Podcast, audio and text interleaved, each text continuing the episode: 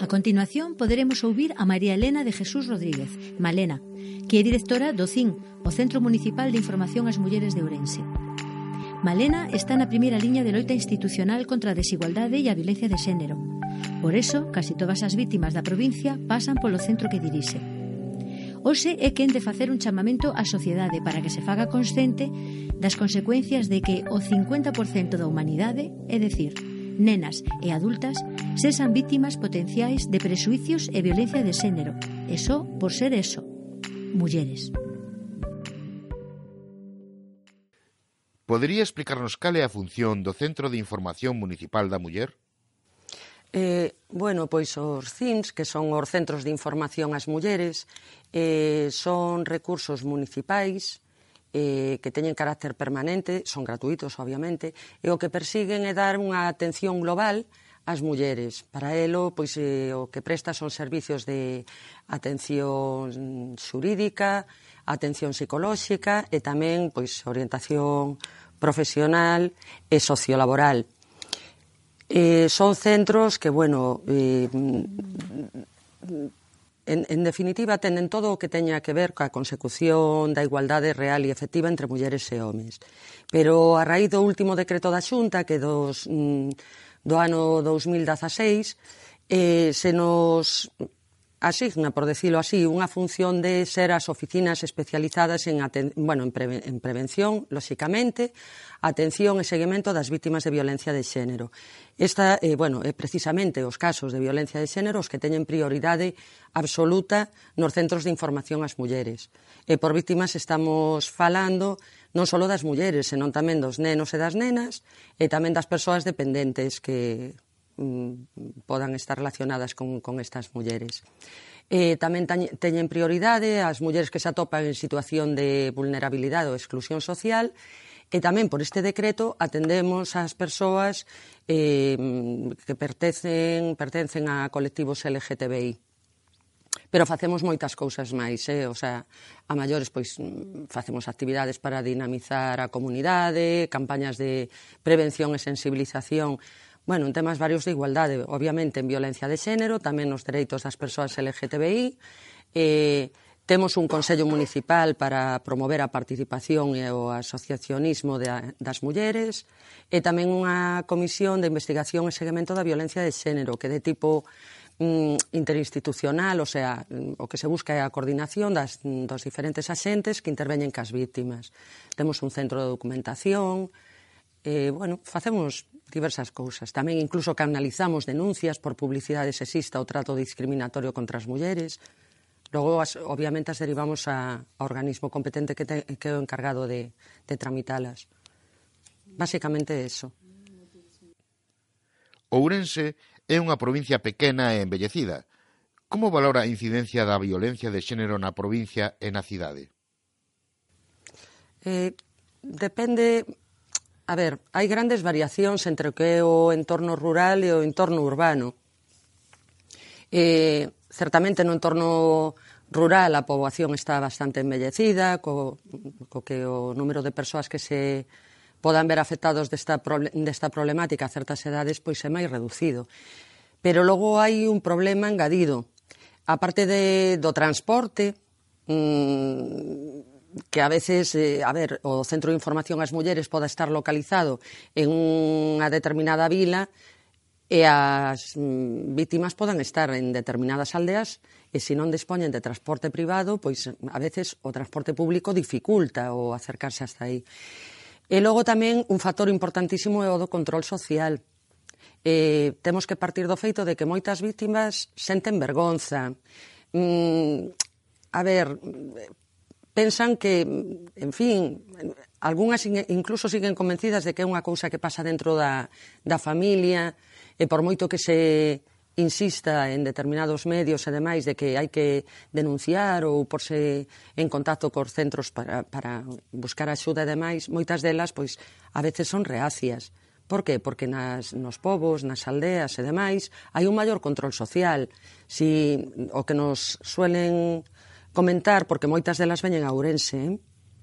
ou van, bueno, pois ao millor unha Vila Grande, pero que está no outro lado, en función de como os, os medios de transporte yo permitan, non?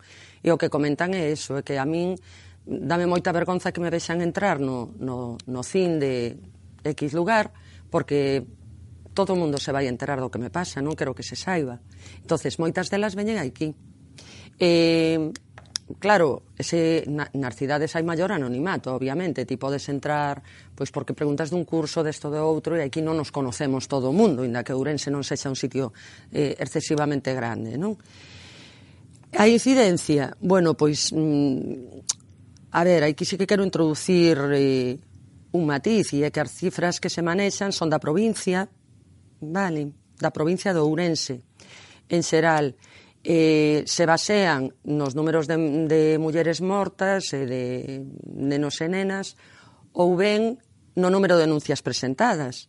Pero claro, isto eh, se contempla a luz da, mm, da lei integral, a lei a lei integral de violencia de xénero, a do 2004, que contempla a violencia de xénero solo en, na, mm, a que mm, do que foi o, o do que é o cónxuge, cónxuxe, excónxuxe da, da, da víctima, non? O co que mantuvera unha relación análoga.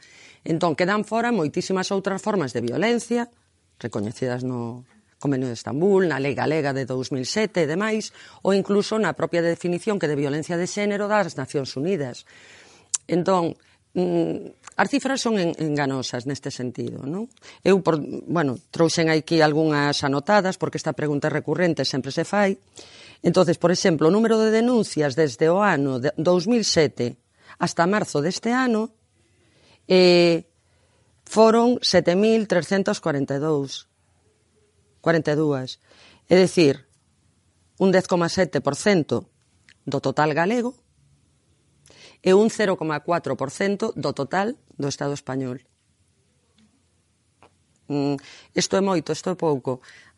A ver, creo que pola gravedade do, do problema de que se trata, ainda que fora menor todavía, mm, as cifras son cifras e as realidades son realidades e hai que atallalas igual. Mm?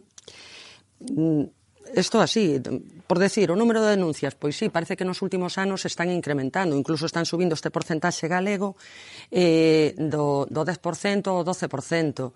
Hubo aí un bache, non? Entre o ano 2012 e os últimos anos en que estaba baixando o número de, de denuncias.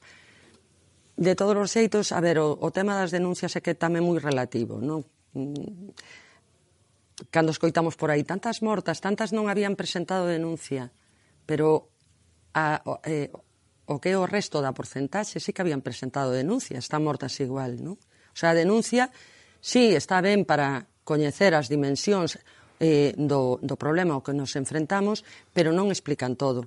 Neste caso explican solo cando o agresor foi a, a parella ou a esparella. Eh, deixa fora moitísimas mm, moitísimas máis mortes. Todas estas que, que estamos escoitando últimamente, as que salen a correr e que isto que outro e terminan mortas, e os casos que se produciron en algún en Galicia, ademais, en, bueno, non me, non me lembro agora do nombre, pero o certo é que esos casos non están en estas estadísticas de mulleres mortas. E, sin embargo, son vítimas de violencia de xénero, a luz do que di Nacións Unidas, non? ou a lei galega, sin ir máis lonxe. Había que contemplar todo o que son mm, a trata, a violencia sexual, o acoso, a mutilación genital, etc. etcétera. Todo eso queda fora do que se contempla nestas cifras que se basean na lei estatal, de, na, na coñecida como lei integral. A violencia de xénero concéntrase máis nalgúnas capas sociais ou é transversal a toda a sociedade? Mm, para nada. Para nada. O único factor de risco mm, para ser mm, vítima de violencia de xénero ser muller.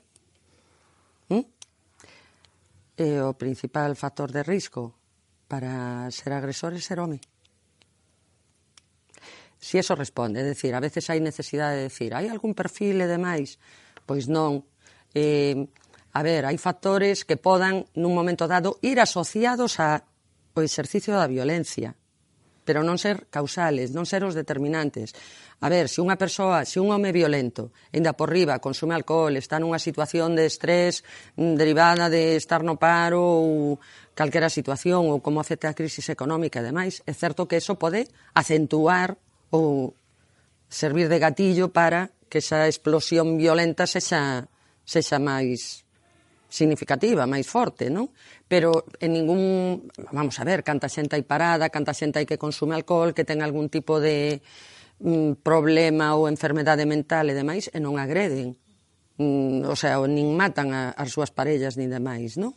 O que pasa que, bueno, digamos que o problema realmente é de tal calado é tan grave que, a, que, que nos gusta buscar algunha posible explicación que nos faga sentir tranquilos e cómodas nun, nun momento dado, non? Porque pensar que nun momento dado unha persoa como é un home que pode ser o meu veciño, o meu compañero de traballo, as persoas que ademais van desempeñando un, un, un doble rol, teñen unha doble máscara, entonces de cara de portas para fora son persoas en, especialmente encantadoras, non?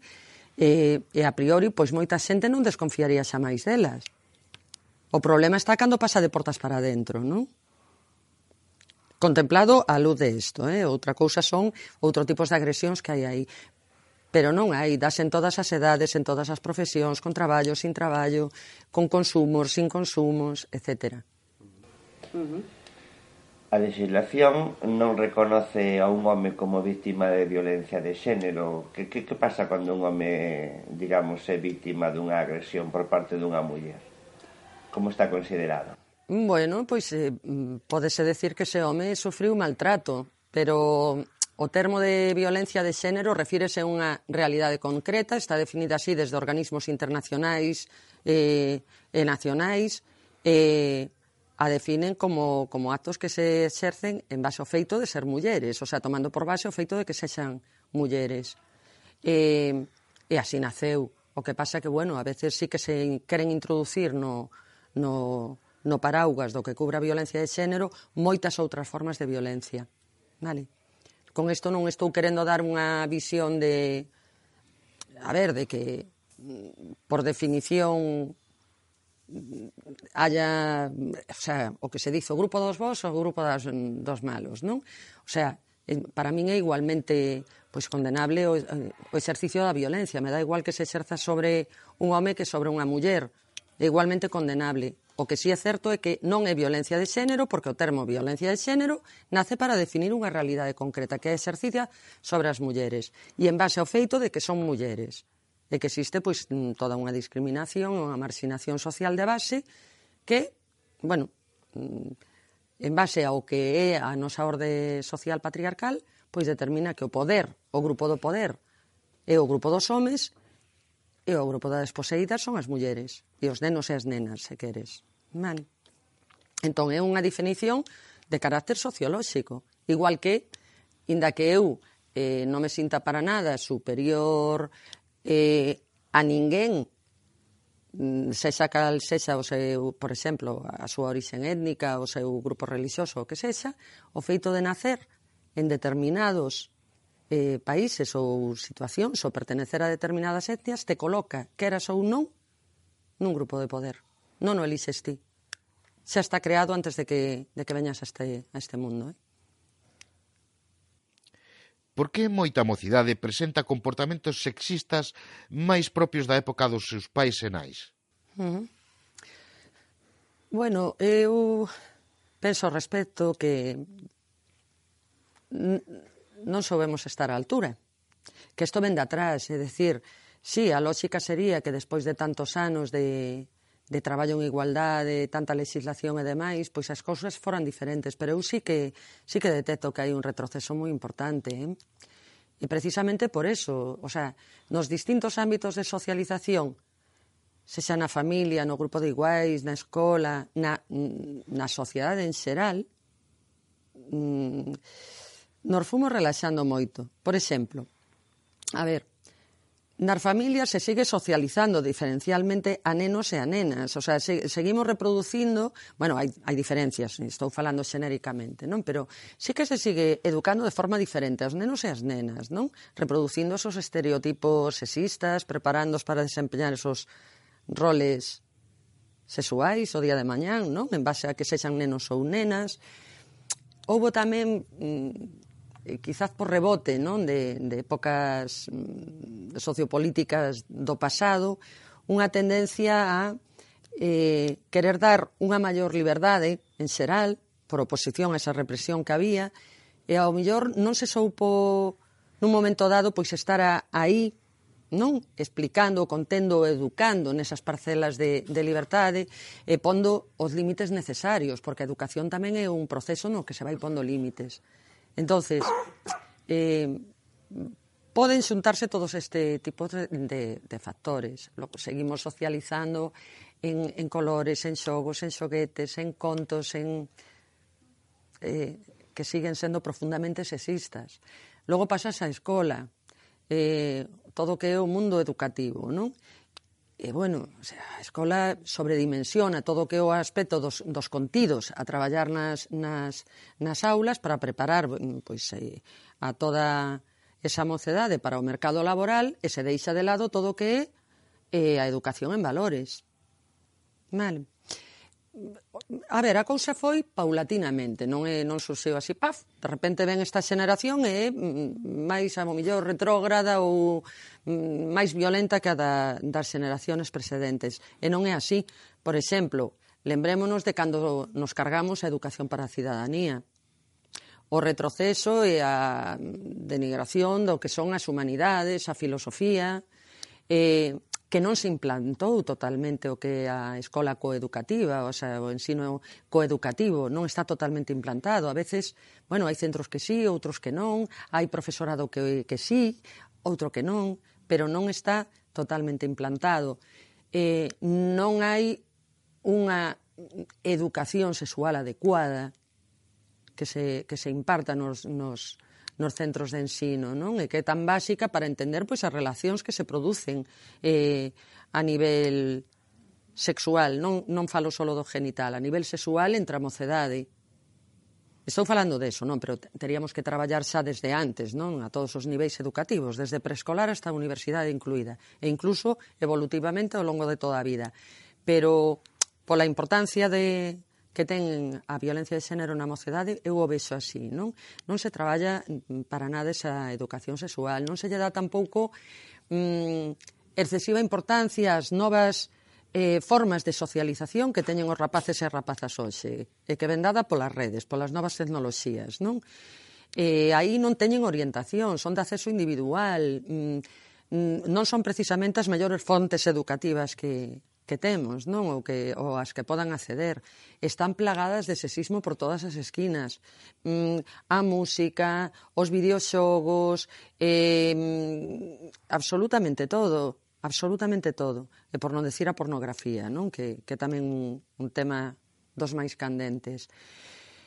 En fin, a nivel grupo de iguais, pois é donde eh, no momento máis crucial da túa vida, no que é o desenvolvemento evolutivo, un, un dos momentos máis, máis cruciais, como é a adolescencia, onde estás definindo a túa identidade, onde estás facendo a orientación eh, sexual ou decidindo ou reconceptualizando temas de, de xénero e demais, eh, atópanse con, con que o grupo está igualmente mm, falto de, de, desa educación e de preparación o que, que necesitan no, no plano de educativo e, bueno, pois reforzan tópicos, mitos, eh, naturalizan formas de comportamento eh, impulsivos, violentos, conflictivos, o sea, eu falando con, con xente nova e que vexo que teñen tan naturalizado, que tan normal resolver os conflitos a, a golpes,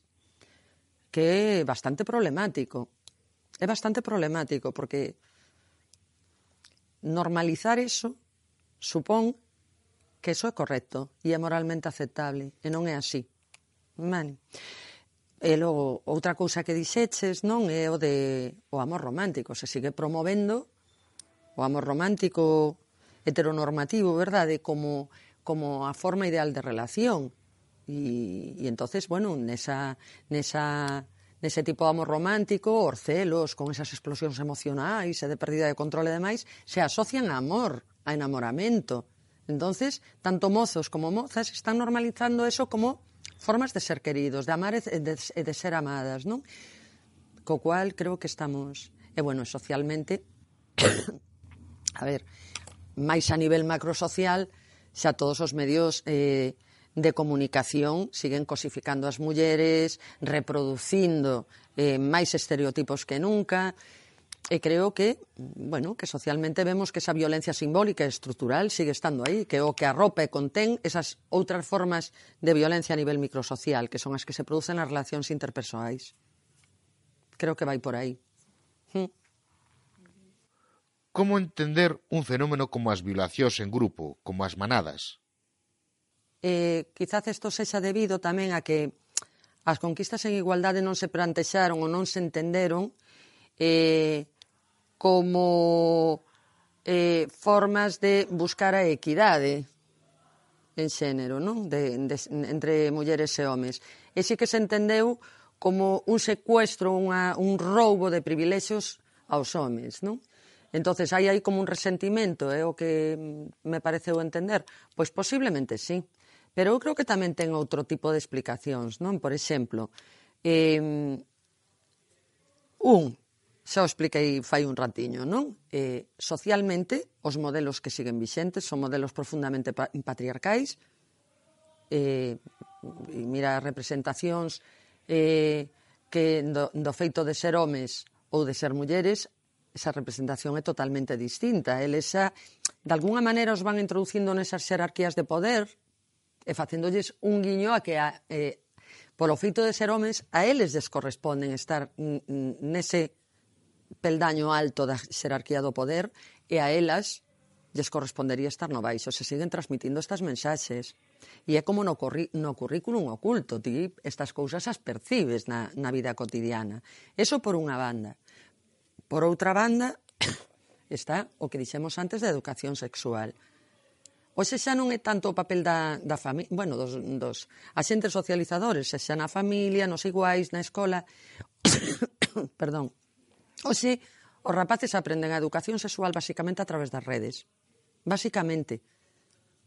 Entón, aí hai que introducirse no que é o mundo da pornografía. Por máis que lle asusta a pais e verdade, a pornografía está aí, acédese cada vez eh, a edades máis temperás, e sen unha orientación adulta que bueno, tampouco é porque que te tuvera que estar aí un adulto explicando mm, o tema isto. O que me estou referindo é que carecen de eh, referentes adultos que lle den unha, explica, unha explicación ou unha formación adecuada da, eh, do que é o desenvolvemento sexual, entonces accedendo a estas fontes que para mm, desde o meu punto de vista son bastante mm, mm o sea, non son negativas, non, sino bueno, mm, Non se me ocurre agora un término, pero desde logo son a, a, a fonte menos indicada para, para formarse eh, en educación sexual. Porque, ademais, o que se lles está introducindo de alguna maneira son expectativas, mmm, fantasías de supremacía masculina, verdade? De, mmm, de afirmación desa masculinidade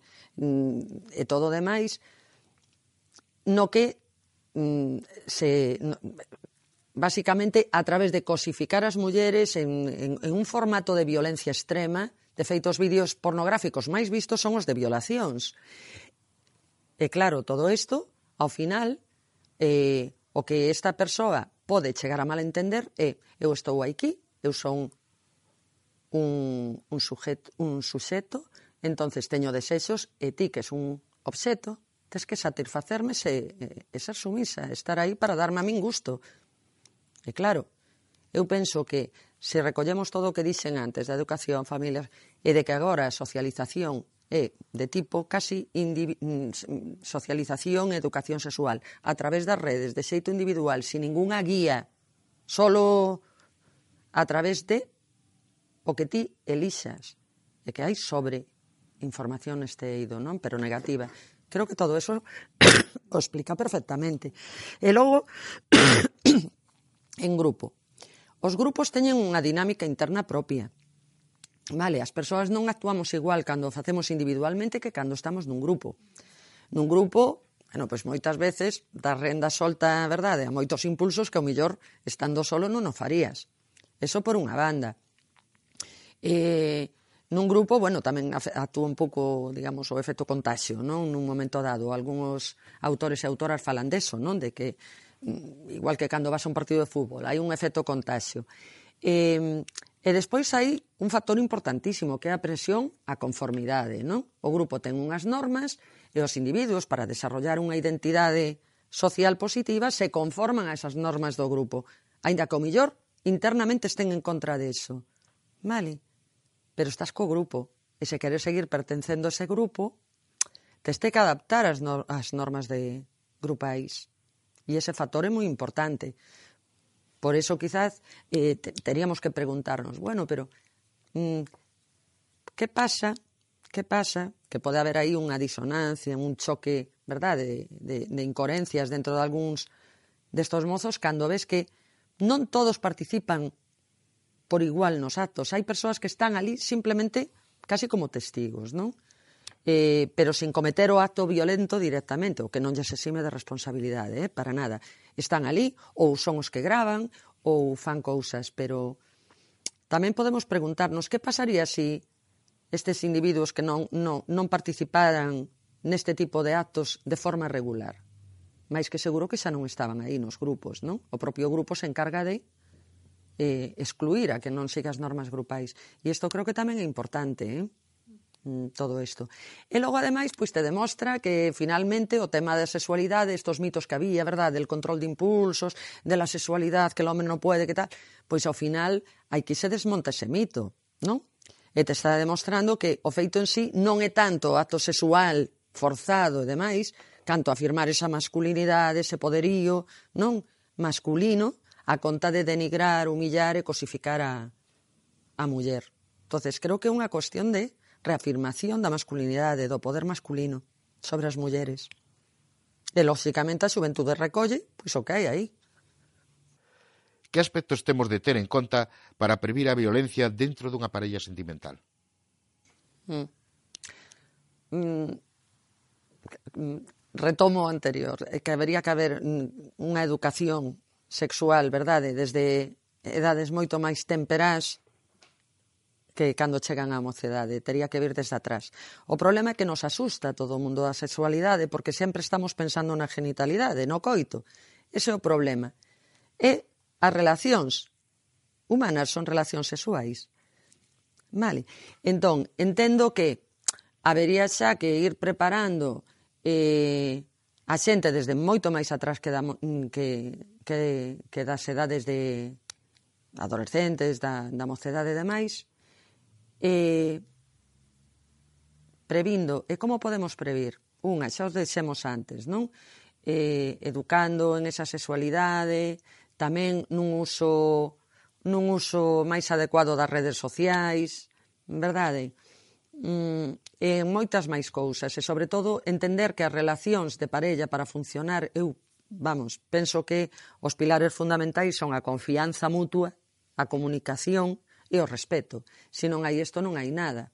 Entón, teríamos que cambiar tantas cousas neste sentido, enseñar habilidades sociais, sobre todo traballar mm, a empatía, a autoestima, a inteligencia emocional. ¿Mm? Tamén habería que traballar as emocións, todo o que é o mundo da, da psicoafectividade, non enseñar a xente, bueno, pois as aprender a xestionar as súas emocións e demais. Logo, presentar modelos moito máis positivos e tamén introducir transversalmente, decir, a nivel social, pero tamén no mundo escolar, sobre todo, educativo, eh, o que a perspectiva de xénero, o traballo en igualdade, non só mm, pois eh, o típico seminario, obradoiro, a charliña chegado 25 de novembro, 8 de marzo, sino traballar estos contidos xa en todos os niveis educativos, transversalmente en todas as materias e demais, e facer unha prevención da violencia con persoas realmente especialistas, vale? Que sepan da materia non vale que calquera persoa, non? Por, por ter unha mínima formación. Hai que estar á altura e entonces aquí sí que hai que ensenar pois a, a detectar como se inicia esa violencia de xénero, non? Que non é espontánea, non aparece. Cando se establecen tamén, por exemplo, estas relacións eh, de parella eh, eh a través do enamoramento, bueno, ao principio todo é encantador, todo é maravilloso. E, o agresor, quero decir, non entra a saco, o sea, te presentan e, tardan tardan en ir aparecendo, porque isto é un proceso que ten un desarrollo lineal, vale? O sea, va evolucionando, ese todo encantamento e, mara, e, e maravilla do principio, bueno, pois van aparecendo os primeiros senais e, e son de tipo máis psicolóxico. Vale? Pode aparecer o control, o que decíamos antes, dos celos, o, o illamento da, da moza, non? De, das súas amizades, compañeiros, compañeiras da clase, controlarlle os, os, os, os teléfonos móviles, saber as claves para entrar nas redes sociais, controlar eh, ou decidir por ela, mm, por esa moza, mm, sobre si pode sair, non pode sair, si pode levar unha roupa, si non pode, con quen vas, con quen ves, etcétera, etcétera. Son señales de control como orcelos que xa van apuntando maneiras, non? Mm, de o que se vai a su suceder no desenvolvemento desa parella. entonces creo que aprender a detectar eses sinais. E logo, non só é longitudinal, é decir, que se vai agravando, porque logo, por en, lóxicamente, mm, eh, hai persoas que se quedarán ou parellas que se quedarán no que é o maltrato psicolóxico e demais, pero moitas evolucionan o que é o maltrato físico. Primeiro, bueno, pois con empurróns, eh, pode haber algunha afetada, empuxón, bueno, todo isto, non? Eh, cada vez poden ser máis graves mm, podendo desembocar en, en calquera estas formas, incluso das máis dramáticas, como estamos vendo nos últimos tempos. Pero non só é lineal, ao longo, ao longo deste proceso lineal vemos tamén que hai un proceso circular, non? que se vai repetindo en bucle, que é o que se chama o ciclo da violencia de xénero, non? O sea, mm, ese, ese acumularse esas tensións hasta que estallan en forma de incidente de violencia, e despois a fase de repetimento de que non, vol, non, non o vou a volver a repetir, eu quero, te perdóname, perdóname E a muller moitas veces, bueno, pois, partindo de que está enamorada, verdade? Pois ao millor decide darlle máis oportunidades. O problema é que este círculo cada vez se fai tamén eh, máis rápido, a veces incluso saltándose esta fase do, do perdón, eleva todo demais. Entonces, creo que hai que educar tamén tamén nesto. E non só nunha charla, eh? senón irlo traballando nos diferentes contextos en que vai aparecendo, que son moitos, eh? non só en relación de parellas, senón nas relacións so sociais interpersonais en xeral. Creo que vai por aí. Como se define a violencia de xénero? Cales son as raíces históricas do concepto de xénero e violencia de xénero? Pois a min creo que a, para min, desde logo a definición que dá Nacións Unidas pareceme a máis axeitada, non? Como todo eh, acto violento que se, que se establece en base ao feito de de ser muller e que pode causar que causa ou pode causar un daño físico, psicolóxico ou sexual, incluindo nesos actos tamén as amenazas, a coacción e a privación arbitraria da liberdade. Ocurra no ámbito privado ou no público. Vai máis na línea do Convenio de Estambul e da Lei Galega, eh? o sea, porque engloba todas as formas. Esa é unha definición ampla da violencia de xénero. Creo que vai por aí. Causas A ver, mm, a estas alturas creo que xa todos sabemos que estamos nunha orde social patriarcal, verdade? Que eh, está baseada no, eh, na captación de, dos, dos postos de poder, sexa no plano social, económico, político, religioso, militar, por parte dos homes, casi en exclusiva, sin casi. Os postos claves, desde logo, son exclusivamente masculinos. E este orden social patriarcal se acompaña de todo un tinglado eh, ideolóxico montado en base ao que son, bueno, o que dixemos antes, non? A, a creación dos roles de xénero, a estructuración dos tempos e dos espacios propios para homens e propios para mulleres, e de un sistema axiolóxico donde os valores masculinos se plantexan como os centrais. E todos os valores, conductas, to, mm, rasgos e todo o demais das mulleres se contemplan como complementarios e dependentes dos do home nun segundo nivel. Vale. Entonces, todo isto se estrutura en base á desigualdade. Entonces, para perpetuarse ese poder nas sociedades patriarcais, teñen que utilizar, lóxicamente, a forza a través da violencia de xénero. A mitad da humanidade controlar a outra mitade. Non?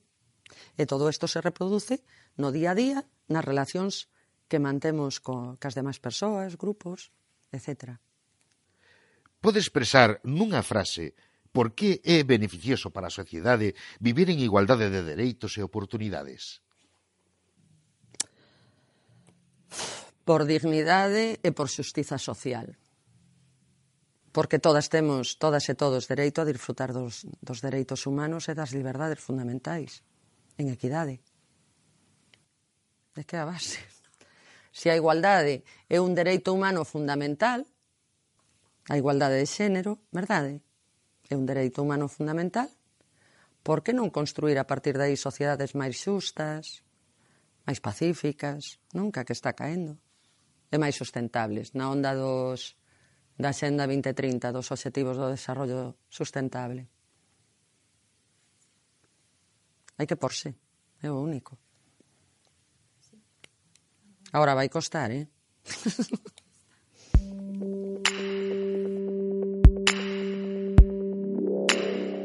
Grazas por participar nesta idea de Escola Libre de Violencias Machistas, Educando en Valores, Educando en Igualdade, que é un proxecto de FAPA Ourense As Burgas e subvencionado pola Secretaría Xeral de Igualdade da Xunta de Galicia.